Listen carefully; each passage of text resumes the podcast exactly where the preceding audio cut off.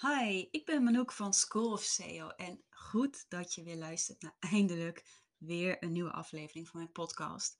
Want ik heb inmiddels al bijna twee maanden geen nieuwe afleveringen gemaakt. Na mijn vakantie in december had ik even totaal geen inspiratie voor een nieuwe podcast. En ik begon eigenlijk weer mijn hele bedrijf om te gooien en dat begon helemaal te kriebelen. En dat soort ingevingen ervaar ik altijd als heel erg waardevol, want inspiratie en creativiteit wil je niet forceren. Dat moet vloeien. Maar ik ben weer terug van weg geweest. En in mijn allereerste podcast van 2023, ja echt, wil ik het met je hebben over hoe je van een nobody zijn naar een somebody kunt groeien in je branche. Jij bent een ondernemer in hart en nieren. Je bedrijf geeft je voldoening en de inspiratie voor nieuwe producten of diensten blijft rijkelijk vloeien. Maar iets houdt je tegen. Het deel van je doelgroep die je nu aanspreekt is veel te klein. Je draait een prima omzet, maar het risico dat je moet nemen om je bedrijf naar het volgende niveau te tillen, durf je niet te nemen. Je zit vast in een visueuze cirkel, want je durft niets te doen met de inspiratie die je hebt, omdat het waarschijnlijk te weinig gaat opleveren. De doelgroep die je nu aanspreekt is misschien te klein voor je nieuwe plannen, of is net te niche, of juist niet specifiek genoeg. Wat je wenst in zo'n situatie is dat die precieze doelgroep die je naar je nieuwste aanbod wilt trekken, weet dat ze bij jou moeten zijn. En om dat voor elkaar te krijgen, werk je aan je marketing. Maar er is een verschil tussen schreeuwen met je marketing, zodat zoveel mogelijk mensen het zien, en het tot stand brengen van het claimen van jouw plek in de markt, zonder dat je doelgroep het gevoel heeft dat je om hun aandacht vraagt. Je wilt bekend staan om bijvoorbeeld je expertise of je eigen methode. Maar hoe krijg je dat voor elkaar? Hoe word je die somebody in je branche waar je doelgroep warm van wordt? Mijn definitie van somebody of iemand zijn in je branche is dat je concurrenten weten wie jij bent en je dus in de gaten houden. Je bent een somebody als zij bang zijn voor je volgende stap.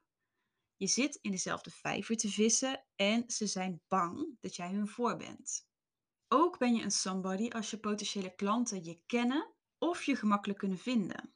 Het komt er dus op neer dat je marketing on point moet zijn. Om die somebody te worden in je branche zul je dus een aantal dingen moeten uitvogelen. Het allereerste, het belangrijkste in marketing. Wie is je exacte doelgroep? En dan wil ik niet horen iedereen die interesse heeft, bla bla bla.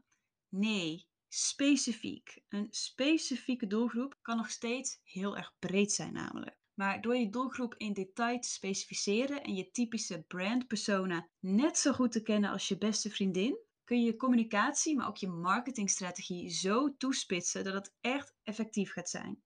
Want als jij je allerbeste vriendin moet overhalen om iets te gaan doen waar ze de knoop nog niet helemaal over heeft doorgehakt, dan weet jij ook hoe je dat moet aanpakken. Je weet hoe je haar moet overhalen, welke argumenten op haar situatie van toepassing zijn. Dus mocht je nog geen brandpersona hebben voor je aanbod, ga deze dan maken. Geef hem of haar een naam. Broed op de perfecte woonplaats, hobby. Denk aan guilty pleasures, huisdieren, uh, favoriete muziek, bezigheden. Maar ook waar deze persoon een afkeer voor heeft. En wie heeft die persoon een hekel? Defineer ook wat voor vrienden die persoon heeft. Of die persoon familie heel belangrijk vindt. Wat de droomvakantielocatie is van je brandpersona. Ik garandeer je dat deze oldie but goodie marketing hack waardevol is voor het ontwikkelen van toegespitste content voor je specifieke doelgroep. En hang vooral een samenvatting van je brandpersona boven je bureau als een daily reminder. Punt 2. Wat bied jij je doelgroep wat anderen niet bieden? Ook al zijn er tientallen of honderden en misschien wel duizenden ondernemers die hetzelfde aanbieden als jij, toch kun jij jezelf heel anders neerzetten. Want je verkoopt geen dienst of een product. Je verkoopt een oplossing voor een probleem. En in dit stukje communicatie kun je het verschil maken. Dit stukje communicatie kan ervoor zorgen dat in plaats van dat je 10 klanten aantrekt voor je product, je 500 mensen over de streep trekt. Het gaat om de belofte die je maakt en in hoeverre je hen dat eindresultaat kan geven met een goed gevoel. Want het kan zijn dat je doelgroep geen zin heeft om datgene te doen wat je van hen vraagt. Dat geldt ook voor een deel van mijn aanbod. Geen enkele ondernemer heeft zin om aan de slag te gaan met SEO.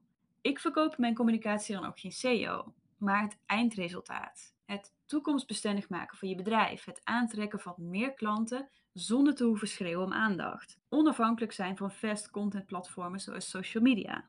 Wat ik je probeer te vertellen is dat je een haakje of meerdere haakjes moet vinden binnen het eindresultaat dat je kunt bieden, wat onvermijdelijk aantrekkelijk is voor je doelgroep. Dat moet je gaan communiceren, niet wat je precies voor ze gaat doen. Dat is namelijk bijzaak. Als jij die somebody wilt zijn, oftewel de go-to persoon in jouw vakgebied, dan is het hebben van een sterke propositie essentieel. Punt 3.